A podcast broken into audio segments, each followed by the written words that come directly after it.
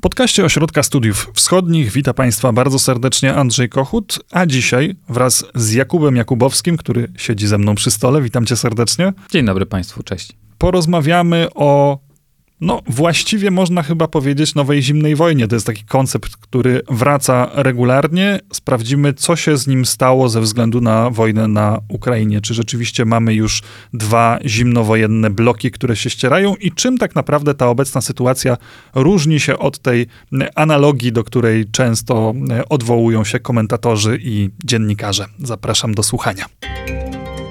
To jest podcast Ośrodka Studiów Wschodnich.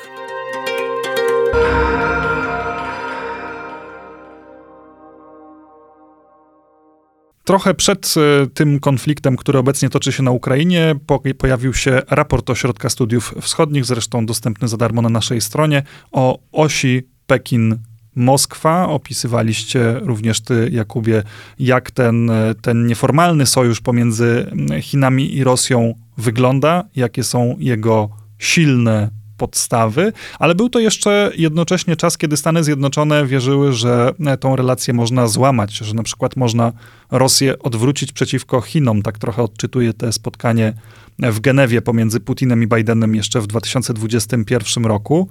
Myślisz, że Amerykanie ostatecznie stracili iluzję co do szczelności tej osi Pekin-Moskwa? Myślę, że to jest jedna z najważniejszych globalnych konsekwencji tej wojny i tej rosyjskiej inwazji.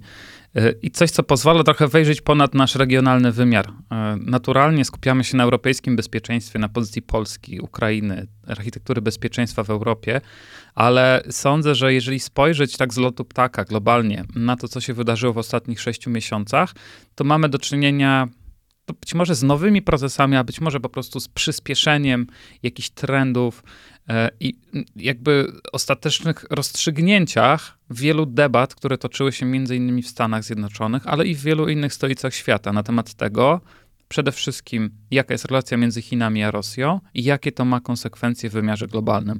Bo jeśli przyjmiemy, i sądzę, że tak jest, jak mówisz, że ta świadomość w Waszyngtonie, ale też coraz bardziej w Brukseli e, rośnie co do tego, że Chiny z Rosją są bardzo bliskimi strategicznymi partnerami i to ma konsekwencje realne w realnym świecie, w tym dla wojny na Ukrainie, że to wszystko przyspiesza pewien podział na bloki i tą e, nową zimną wojnę, jak to nazwałeś, czy Wciąż... Na szczęście to nie ja to tak nazwałem. Ta nazwa po prostu funkcjonuje w obiegu, a ja pozwoliłem jej e, sobie e, użyć. Natomiast skoro już rozmawiamy o tych zimnowojennych blokach, to może rzeczywiście zacznijmy od tego chińsko rosyjskiego. Jak silne jest dzisiaj połączenie pomiędzy Chinami a Rosją? Formalnie oczywiście widzimy wiele wyrazów poparcia płynących z Pekinu pod adresem Rosji, ale czy Chiny rzeczywiście są dzisiaj silnym sojusznikiem Rosji, choć oczywiście wiemy, że tego formalnego sojuszu między nimi nie ma. Myślę, że dla samych Chińczyków, e, tak jak i dla Rosjan, dla Putina, dla wielu osób na Zachodzie, przebieg tej wojny e, był zaskakujący. I najfajn- najciekawsze chyba jest to, w jaki sposób Chińczycy sobie z tym zaskoczeniem radzili. Bo jeżeli by przywołać podstawowe fakty, to mm, e, myślę, że najważniejszą datą poprzedzającą stricte inwazję. Był 4 lutego i moment, w którym Putin pojechał do Pekinu. Przypomnijmy, że to był już czas, kiedy Putin oficjalnie groził siłą Europie, kiedy wystosował ultimatum do, co do mm, protektoratu nad Ukrainą, czy przejęciem Ukrainy, ale i wycofaniem wojsk NATO z Europy. Już zaczął już gromadzić um, wojska na granicy z Ukrainą. Co więcej, Stany Zjednoczone, jak wiemy, wiedziały o tym już wtedy, że ta inwazja będzie przeprowadzona na serio. I z tego, co donosi Waszyngton, informowali o tym Chińczyków. W y, Waszyngtonie od końca 2021 roku spotykano się z ambasadorem Chin i przekazywano mu dokładne plany tego, co e, Rosjanie chcieliby zrobić. I to, co słyszymy z Waszyngtonu, to jest to, że Chińczycy słuchali tego, nie dowierzali, po czym przekazywali te informacje bezpośrednio do Moskwy. Tak, takie, takie słyszymy ze strony Amerykanów informacje. No i właśnie, pytanie y, o to, y, czego się Chińczycy spodziewali. 4 lutego zapewne, jak Putin był w Pekinie, sam nie spodziewał się, że sytuacja potoczy się jak potoczy. Jeśli by przyjąć, że początkowy plan był taki, żeby samą groźbą użycia siły, ewentualnie jakąś bardzo szybką, sprawną interwencją, mm, pokonać Ukrainę, zmienić siłowo status quo w Europie, ośmieszyć Stany Zjednoczone, podzielić Zachód, to tego typu wizja, sądzę, dla Chińczyków była bardzo atrakcyjna. E, Chińczycy od dawna zabiegają o to, żeby wbić klin między Europę a Stany Zjednoczone, żeby Europa była w jakiś sposób sterowalna, dosyć słaba, może nie podbita przez Rosję, ale y, y, stworzenie z Kijowa kolejnego Kabulu, e, to scenariusz, który moim zdaniem dla Pekinu był bardzo pozytywny. Kabulu dla Amerykanów, nie Kabulu dla Związku Radzieckiego, bo ta metafora akurat może zadziałać e, w dwie strony. Tak, oczywiście chodzi mi o, o wydarzenia najnowsze z Kabulu. Y, sądzę, że i dla Moskwy, i dla Pekinu to był ważny czynnik w myśleniu o tym, na ile Stany Zjednoczone są gotowe realnie e, bronić się, na ile są w stanie bronić, w sensie bronić e, pewnego ładu, za którym stoją, na ile są w stanie koordynować z sojusznikami, mobilizować sojuszników. Upadek Afganistanu, tego stworzonego przez Amerykanów, to było pokaz dla Pekinu i Moskwy tego, że Amerykanie nie mają przywództwa w świecie, że bez koordynacji z Europą robią jakieś rzeczy, że mnóstwo złej krwi z tego wynika. Myślę, że to, był, y, to było nastawienie, które panowało w obu tych stolicach, Moskwie i Pekinie wówczas. No i jeżeli sprawy w ten sposób by się potoczyły, y, w miarę bezkrwawo, stworzenie pewnego precedensu w Europie i ośmieszenie Stanów, to dla Pekinu byłoby bardzo korzystne. I ja tak bym odczytywał to, co Chińczycy zrobili tuż przed inwazją, to znaczy podpisali z Putinem bardzo głośną, myślę, wiekopomną deklarację, w której powiedzieli wprost: Chiny y, popierają i rozumieją uzasadnione rosyjskie żądania w dziedzinie bezpieczeństwa w Europie. I do tego miejsca wszystko wydaje się zrozumiałe. Mamy te kalkulacje, które się okazały podwójnie błędne. Po pierwsze, co do tego, jak szybko upadnie Ukraina. Po drugie, co do tego, jak zareaguje Zachód i jaka jest rzeczywista siła Stanów Zjednoczonych. Jest też ten element, o którym pisaliście we wspomnianym już raporcie o osi Pekin-Moskwa, czyli że tym spoiwem interesów chińsko-rosyjskich zawsze były działania wymierzone w Stany Zjednoczone i próba odepchnięcia Stanów Zjednoczonych z obydwu regionów, czyli z Europy Wschodniej, z obszaru poradzieckiego, no i e, oczywiście z Indo-Pacyfiku w przypadku Chin. Tutaj wszystko wydaje się jeszcze jasne. Zaczyna się wojna, rzeczy idą zupełnie nie tak, jak przewidywano zarówno w Rosji, jak i w Chinach. I jak dalej wygląda dynamika tej osi Pekin-Moskwa? Co się dzieje w relacjach między tymi państwami? No, dokładnie tak jak mówiłem. Najciekawsze jest chyba to, jak Pekin reagował na wydarzenia po 24, a nie co wyobrażał sobie przed 24. Y, w tych pierwszych dniach wojny, w szczególności kiedy zaczęło się już okazywać, że ta rosyjska ofensywa szybko się tępi, co więcej, że Zachód bardzo szybko jest w stanie się skonsolidować, że e, Stany Zjednoczone wracają do Europy, Europa wspólnie z nimi i jeszcze Japonią i wieloma innymi państwami na świecie nakłada na Rosję sankcje. To był moment, kiedy e, nastrój wśród elit e, w Europie, ale myślę i w Stanach Zjednoczonych był taki, że to jest nieracjonalne dla Pekinu, żeby dalej firmować tę rosyjską politykę. Że Pekin jest zbyt współzależny z Zachodem, że to są ogromne koszty dyplomatyczne. Mm, Pekin zresztą na samym, Pekin zresztą od bardzo dawna, oficjalnie jego pozycja dyplomatyczna była taka jakby neutralna. Na wszystkich oficjalnych forach y, bardzo ostrożnie formułowali swoje stanowiska, tak żeby nie można było do końca wywieść skąd wzięła się, po, po której stoją strony. O tak powiedzmy. Natomiast to, co wydarzyło się potem, w, szczególnie w wydaniu propagandowym Pekinu, ale i dyplomatycznym, to słychać od dyplomatów europejskich, środkowoeuropejskich, od brukselskich dyplomatów, to jest to, że Chińczycy sukcesywnie zaczęli Rosję wspierać dyplomatycznie i propagandowo. I to, co słychać zarówno z wielkich tub propagandowych, jak i kuluarowych rozmów z chińskimi dyplomatami, to jest ciągłe podkreślanie, że E, wojna na Ukrainie, czy konflikt na Ukrainie, jak to e, Chińczycy nazywają, że po pierwsze on jest wynikiem bardzo złożonych historycznych e, uwarunkowań, trudno powiedzieć, kto tu ma rację. To jest coś, wiecie, pierwsza rzecz, która zapala czerwone lampki, szczególnie w naszym regionie. No ale po drugie, bardzo ostry atak na NATO ze strony Chin, mówiąc o tym, że to NATO zmienia status quo, że to NATO zbroiło Ukrainę, że NATO sprowokowało Rosję. Chińczycy oczywiście patrzą na to przez pryzmat swojej własnej polityki. Głośne wystąpienie wiceministra spraw zagranicznych y, HRL sprzed kilku miesięcy, już po inwazji, mówiące o tym, że nie można pozwolić, żeby Stany Zjednoczone powtórzyły na Pacyfiku to, co zrobiły Rosji na Ukrainie. Czyli znów to perspektywa, że to Zachód i Stany Zjednoczone są tą stroną nacierającą, prowokującą. E, co jeszcze pociągnęli dalej, bo w tej przekazie dyplomatycznym chińskim NATO zaczęło być krytykowane nie tylko za to, że wywołał tamtą wojnę, ale jeszcze, że, cytuję, macki NATO sięgają coraz dalej na Indo-Pacyfik.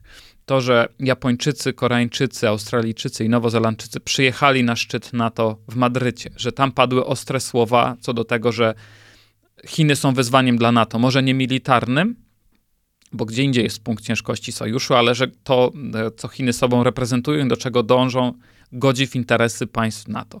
To wszystko e, składa się, e, ale i wynika z chińskiego podejścia do tej wojny.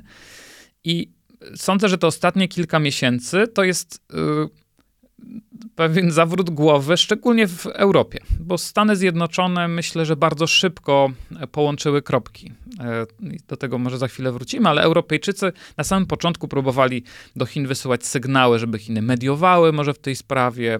Josep Borrell zwracał się do Chińczyków mówiąc, no macie dobre relacje z Rosją, pohamujcie to szaleństwo, ale odpowiedź była taka jak sukcesywnie i regularnie, taka dokładnie jak mówiłem przed chwilą, co buduje wielką frustrację po stronie europejskiej i zostawiając na boku to, czy Europa pójdzie na noże z Chinami w wymiarze gospodarczym i jakby dołączy do Stanów w tym doktrynie powstrzymywania Chińczyków, to odłóżmy na bok, bo to jest dużo bardziej złożone, ale na takim czysto dyplomatycznym poziomie, który ma duże znaczenie, no bo to dyplomaci ustalają nowe ramy współpracy. Tam ten dialog chińsko-europejski w zasadzie się zatrzymał nikt nie chce z Chińczykami rozmawiać, dopóki oni nie będą trochę bardziej koncyliacyjni, trochę bardziej dystansować się e, od Moskwy. Czego tutaj e, nikt e, nie widzi, jak na razie. Czyli nie widzimy takiego zniechęcenia Chin tą sytuacją, że Rosja nie dość, że uplątała się w konflikt, który miał być krótki, łatwy i przyjemny, a wcale taki nie jest, to jeszcze może uwikłać Chiny w potencjalne zachodnie sankcje. Nie widać takiej chęci pewnego zdystansowania się jednak od Rosji ze względu na konsekwencje, które mogłyby dla Chin płynąć właśnie z tego wspierania Rosji, o którym mówisz? No i co jest ciekawe, takie wątpliwości się pojawiają, ale co jest najciekawsze, są bardzo szybko cenzurowane w chińskim internecie. Mieliśmy szereg e, artykułów e, chińskich akademików, które wypływały rzeczywiście szczególnie do naszej infosfery zachodniej, dokładnie w ten sposób rysujące sprawę to było postawienie na złego konia. My jako Chiny jesteśmy zbyt złączeni z Zachodem. Nie powinniśmy firmować tego, co robią Rosjanie, bo odbije się to czkawką na naszej własnej gospodarce. Takie głosy się pojawiały i bardzo szybko z chińskiego internetu znikały. To samo tyczy się takich prostych komentarzy w chińskim internecie, bo przekaz generalnie wewnętrzny w Chinach jest bardzo prorosyjski, bardzo antyamerykański, a komentarze zwykłych internautów, które w jakiś sposób stawiały się za Ukrainą, czy stawiały po drugiej stronie, były po prostu i są nadal e, cenzurowane. Więc sądzę, że jakieś tego typu refleksje w Chinach się pojawiają. Pytanie jest tylko takie, jak y, sytuacja wygląda na samych szczytach władzy y, i samej Komunistycznej Partii Chin, bo to tam rozstrzygają się konkretne decyzje. Spekuluje się o tym, że po zjeździe Komunistycznej Partii Chin 16 października to jest data, którą wyznaczono niedawno, że po tym zjeździe mogą przyjść jakieś korekty. Mówi się, że Xi Jinping postawił na Putina osobiście, co bardzo dobrze widać. Relacje z Rosją zostały nazwane partnerstw, wszechstronnym partnerstwem strategicznym w nowej erze. To brzmi jak bełkot, ale ma duże znaczenie, bo ten blok Nowa Era to jest osobista ideologiczna pieczęć Xi Jinpinga. To jest to, co on przyniósł do, ideologii partii. Jeżeli ta pieczęć została przystawiona do relacji z Rosją, to znaczy, że każdy z tej wielkiej struktury, jakim jest partia, kto w jakiś sposób te relacje z Rosją podważa, w jakiś sposób bije też w samego Xi Jinpinga. To nie jest tak, że zupełnie nie mogą się z tego wycofać, Ale te ostatnie sześć miesięcy sprawia, że coraz trudniej jest się z tego wycofać, bo Europa jest coraz bardziej sfrustrowana. Europa Środkowa jest bardzo sfrustrowana. Ostatnio widzieliśmy wystąpienie Estonii i Łotwy z formatu 16 plus 1, dołączyły do Litwy i estońskie, estońscy dyplomaci mówią wprost, nie będziemy tolerować takiego kształtu chińsko-rosyjskich relacji. To uderza bezpośrednio w nasze interesy narodowe i to jest sygnał o nas do Chińczyków, że nie ma rozmowy która odbywa się na tych zasadach relatywizowania tego, co się dzieje na Ukrainie, bo Chińczycy bez przerwy to robią. Ja pamiętam e, e, powielanie tych rosyjskich narracji o laboratoriach amerykańskich na Ukrainie i główne kanały chińskich telewizji analizujące y, zdjęcia satelitarne, gdzie te amerykańskie laboratoria mogłyby się kryć. Chińska propaganda, w ogóle kuriozalne jakieś konstrukcje tworząca, że COVID został stworzony w amerykańskich laboratoriach, które są na terenie Ukrainy. Oczywiście można się z tego śmiać i to jest pewnie jakaś e, inicjatywa być może redaktora, który chciał połączyć wszystkie antyamerykańskie wątki ze sobą. Ale im dalej w las, tym trudniej jest się wycofać z tego typu polityki. I e, oczywiście, tak jak mówiłem, e, czy to się przełoży na silny antychiński zwrot w polityce unijnej, czy w polityce Berlina, e, to jest kwestia wciąż otwarta. Natomiast sądzę, że i wracam tutaj do Twojego pierwotnego pytania. Wydaje mi się, że w Stanach Zjednoczonych klamka zapadła i widzimy to już na mm, poziomie realnej polityki. Klamka zapadła co do tego, że Chiny z Rosją zostały ostatecznie sklejone. Trudno mi oczywiście rysować y, nastrój w całym Waszyngtonie. To, w co ja mam jakiś wgląd, to są ludzie zajmujący się Chinami. Ludzie, którzy przed tą rosyjską inwazją kombinowali w ten sposób, że Chiny są naszym największym zagrożeniem, więc być może trzeba zaparkować Rosję, dogadać się z Rosją i skupić się na Chinach. Takie głosy gdzieś się jeszcze pojawiają, szczególnie na Twitterze, ale rozmowy z amerykańskimi dyplomatami i ekspertami, szczególnie świeżo po wojnie, to jest konstatacja zgoła odwrotna. To znaczy, ta oś się zawiązała. E, szczególnie 4 lutego e, w czasie wizyty Putina Xi Jinping wsparł to, co wiedział, że może się tak skończyć, bo każdy wiedział, że Putin grożąc może po prostu tę groźbę zrealizować. I że strategicznie ich antyamerykański front jest skonsolidowany, więc teraz nie warto Rosji obracać przeciwko Chinom. Trzeba Rosję uderzyć, ponieważ po pierwsze, uderzenie w Rosji pokaże Chińczykom, co znaczy siłowe podważanie porządku amerykańskiego. Y, sankcje na Rosję pokażą Chińczykom, jaki może być koszt. No a po trzecie, y, sądzę, że istnieje takie myślenie, że jeżeli Chiny z Rosją, nawet jeśli nie są w stricte sojuszu wojskowym, nawet jeśli się nie koordynują na poziomie szefów sztabów, to jeżeli zacznie się naprawdę duży konflikt globalny, to nie będą grały przeciwko sobie i pójdą w tym samym czasie w dwie strony. Euro, Rosjanie na Europę, a Chińczycy do Azji. I z tego punktu widzenia znokautowanie Rosji teraz, kiedy przestrzeliła, kiedy zaczęła wojnę w złym momencie, to jest w jakiś sposób rozwiązanie tego podstawowego problemu podwójnej eskalacji w Europie e, i na Pacyfiku. I może to jest moje skrzywienie obserwatora Chin i amerykańskiej polityki wobec Chin, ale jak e, widziałem deklarację Ostina, sekretarza obrony, mówiące o tym, że trzeba trwale zniszczyć potencjał militarny Rosji, to czytam to dokładnie w ten sposób. Skoro Rosjanie popełnili ten błąd i sami się nawinęli, no to trzeba tę sprawę załatwić e, i w dłuższej mierze, w dalszym e, okresie skupić się w pełni na Chinach, mając w jakiś sposób zabezpieczony ten europejski front. A jak wnioski z, tej, z tego konfliktu, który toczy się na Ukrainie, z tej wojny, wpływają na dynamikę na Indo-Pacyfiku? Z jednej strony, na ile Chiny stały się jednak ostrożniejsze, choć mieliśmy ostatnio tą e, eskalację wokół Tajwanu, taki trochę chiński teatr polityczny związany z wizytą Nancy Pelosi e, na tej wyspie. A z drugiej strony mówiłeś już wcześniej o tym, jak zachowują się inne kraje z tamtego regionu. E, Japonia, Korea Południowa to nie wydają się tradycyjni sojusznicy Ukrainy w konflikcie, a mimo to są, państwa, są to państwa, które bardzo mocno postawiły właśnie na Kijów w tej konfrontacji z Rosją. Myślę, że warto się przyjrzeć tutaj Chinom, bo mm, po pierwsze, e, istniała debata i wciąż istnieje na temat tego, czy Chińczycy będą koordynować swoją potencjalną inwazję na Tajwan z Rosjanami. To, co ta inwazja nam pokazała, to jest to, że Rosjanie zaczęli tę eskalację w Europie, a Chińczycy nie napadli na Tajwan. I sądzę dlatego, że sami czują, że nie są militarnie na to gotowi.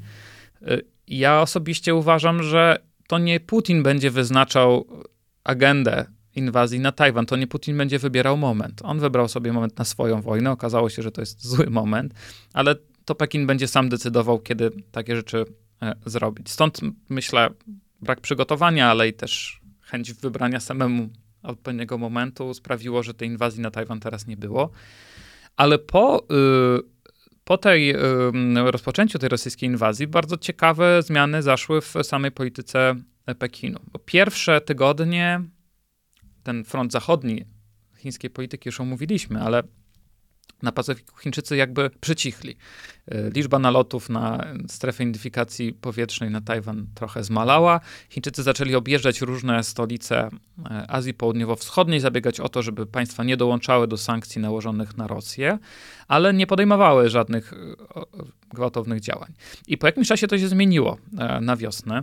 Mieliśmy dużą ofensywę dyplomatyczną, dyplomatyczno-militarną, powiedzmy, na Pacyfiku stricte, na tych wyspach pacyficznych.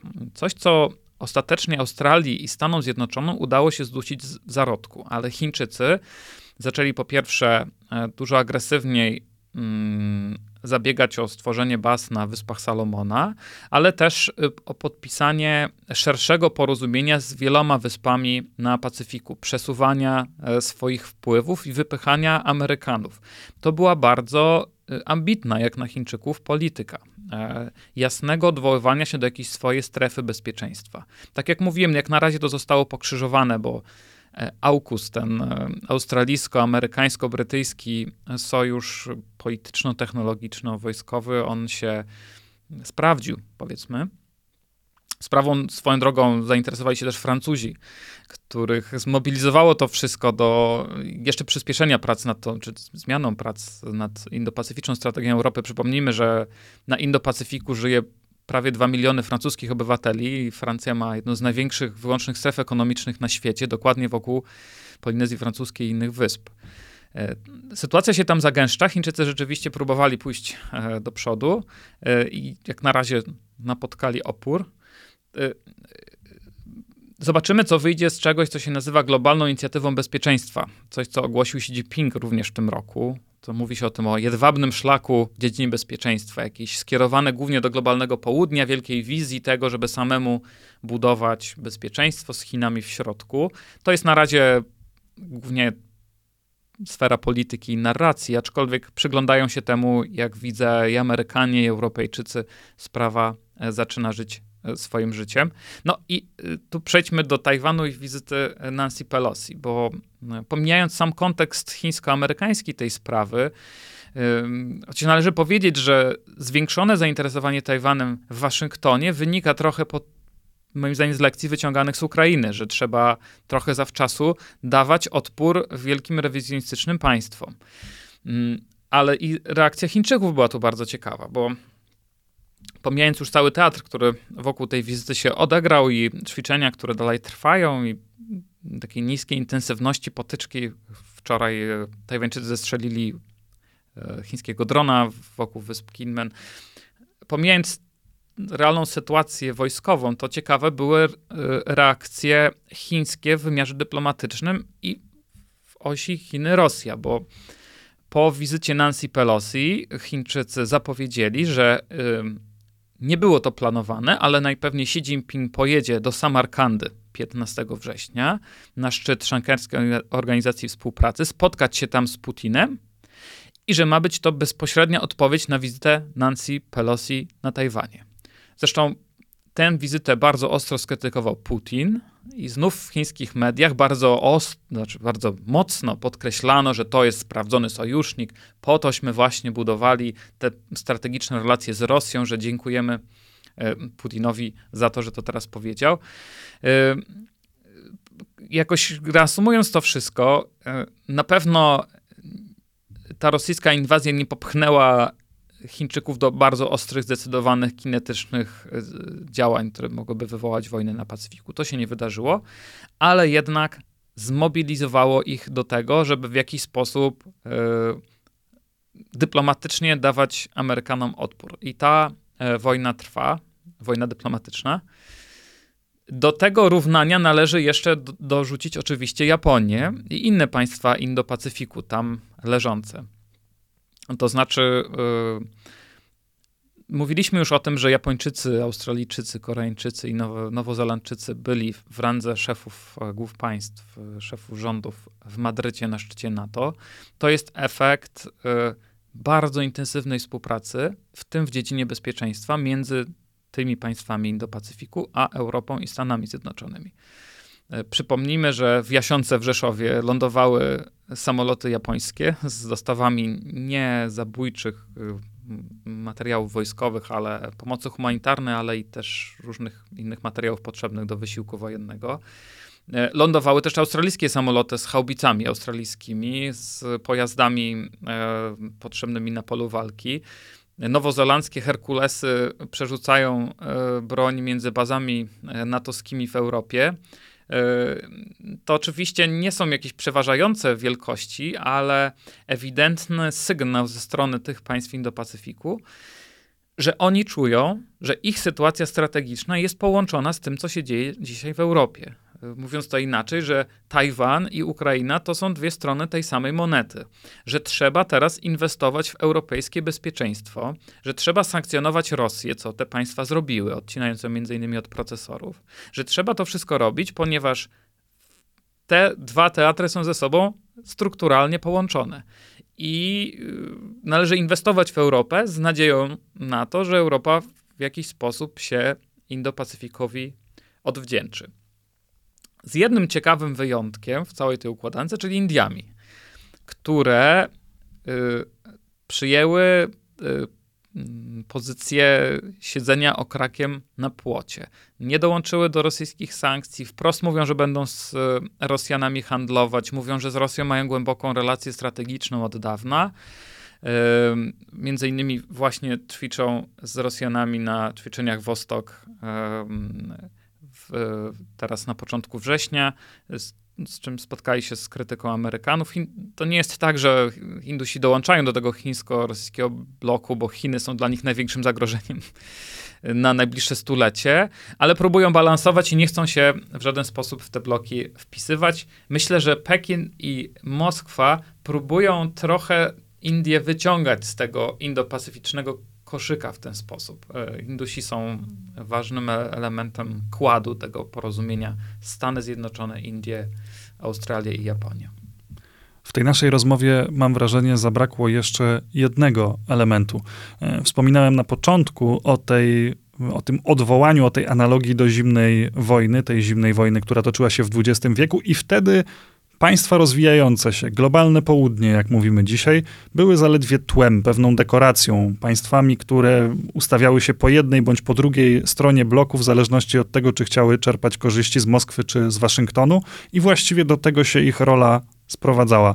Jak e, oceniasz e, rolę globalnego południa e, w tym teatrze zimnowojennym, który zarysowuje nam się teraz? To jest jedno z kluczowych pytań. Ja jeszcze cofnąłbym się o krok w dekonstrukcji tej zimnej wojny e, i powstawania bloków. Moim zdaniem te bloki się w jakiś sposób wyłaniają, ale one nie będą tak wyraźnie zarysowane jak wówczas, kiedy mieliśmy blok zachodni, natowski kontra Związek Radziecki, bardzo silne instytucjonalne więzi i mimo wszystko yy, bardzo głęboki podział. Ten podział jest znacznie płytszy, ponieważ na ten poziom strategiczno-militarny, o którym mówiliśmy, nakłada się poziom gospodarczy, gdzie skala powiązań wszystkich ze wszystkimi jest nieporównywalnie większa i bardzo krępuje ruchy wszystkim graczom, sprawia, że te granice tych bloków są dużo bardziej niewyraźne, bo istnieją państwa takie jak Niemcy, które są bardzo silnie usadowione, wydawałoby się, w tym bloku zachodnim. I rzeczywiście podejmują jakieś zbyt wolne dla nas, ale działania wspierające. Z drugiej strony są tak głęboko powiązane gospodarczo z Chińczykami, że to, co wiele państw, jak Stany Zjednoczone, ale i część państw europejskich robi, czyli łączy kropki między Moskwą a Pekinem, no ta praca w, w Niemczech y, idzie dużo wolniej. Mówiłem już o Indiach, które akurat one są no, no, odnośnie globalnego południa. To, co chciałbym powiedzieć, że nie jest to, to taka zimna wojna jak wówczas.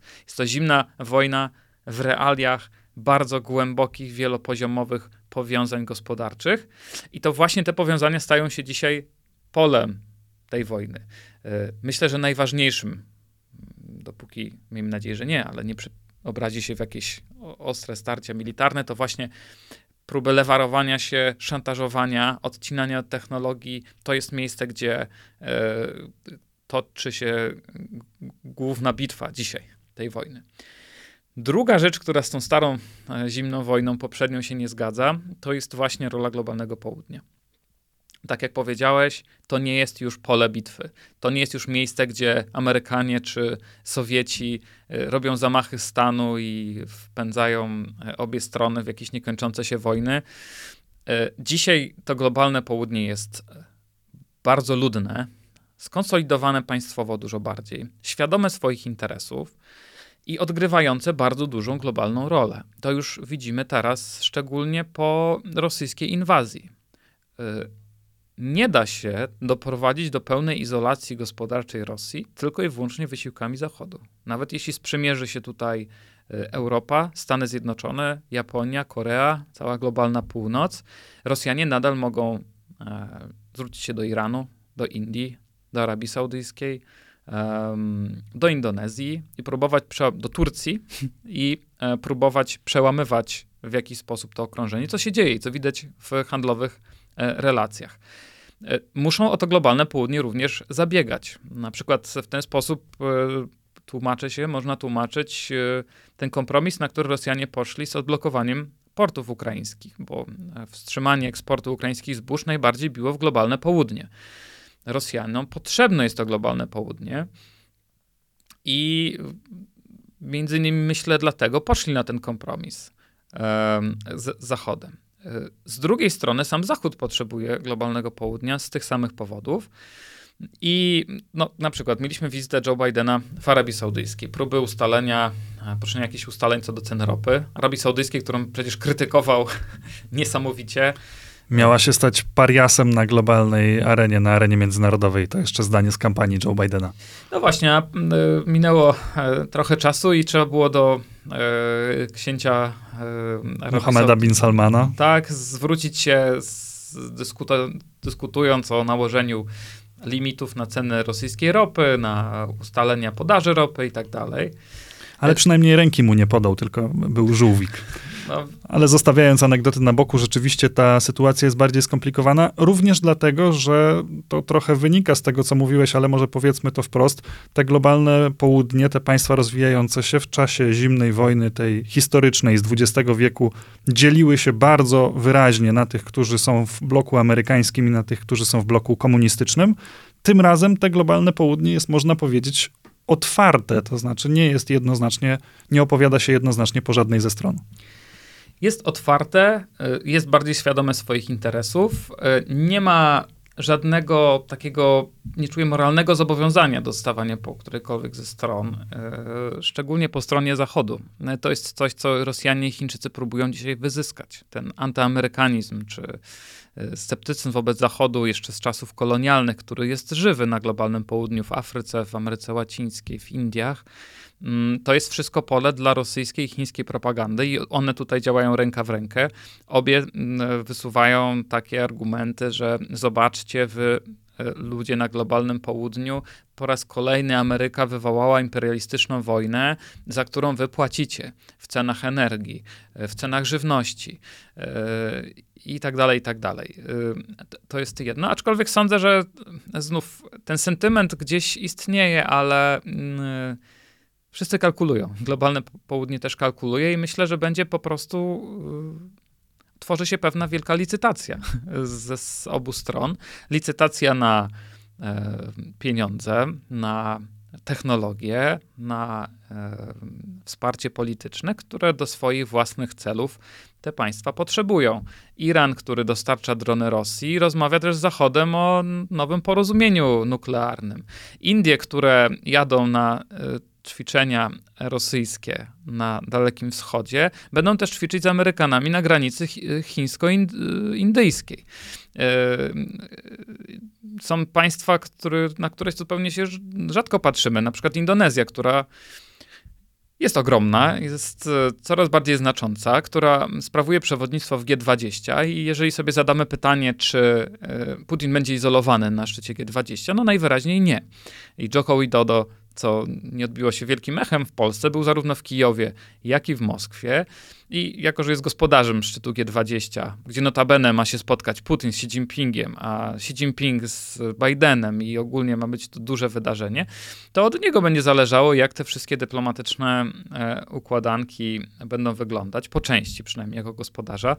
To wszystko wskazuje, że y, trzeba traktować to globalne południe jako zupełnie podmiotowego gracza. Znaczy, nie mówię o całości, to nie jest jeden blok i każdy ma swoje kalkulacje, ale jest to szereg podmiotowych graczy, z którymi się trzeba liczyć i to tworzy duże wyzwanie również dla, dla Europy, e, bo przez kilkadziesiąt lat, choćby na arenie WTO, Światowej Organizacji Handlu, to globalne południe było spychane na pozycje obronne i wiele dyskusji, rzeczy, które globalnemu południu zależało, choćby handlowych, nigdy się nie zrealizowało. No być może przychodzi czas, gdzie trzeba będzie raz jeszcze otworzyć te wielkie dyskusje i spróbować od nowa budować z tymi państwami e, relacje, co widać było choćby w przemówieniu Olafa Scholza w Pradze ostatnio, tym nazywanym jako konstytutywne i wiekopomne.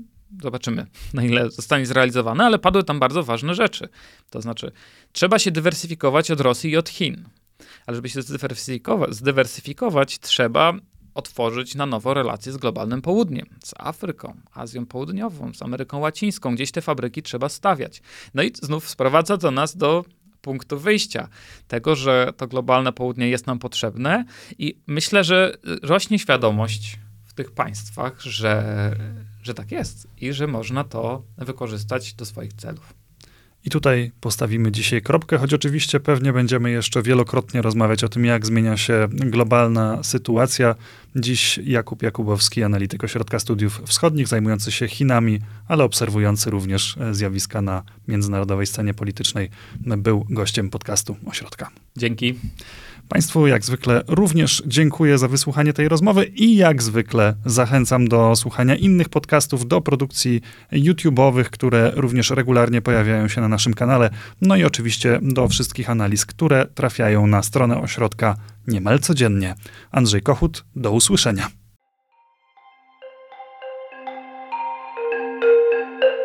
Wysłuchali Państwo podcastu Ośrodka Studiów Wschodnich. Więcej nagrań można znaleźć na stronie www.osw.waw.pl.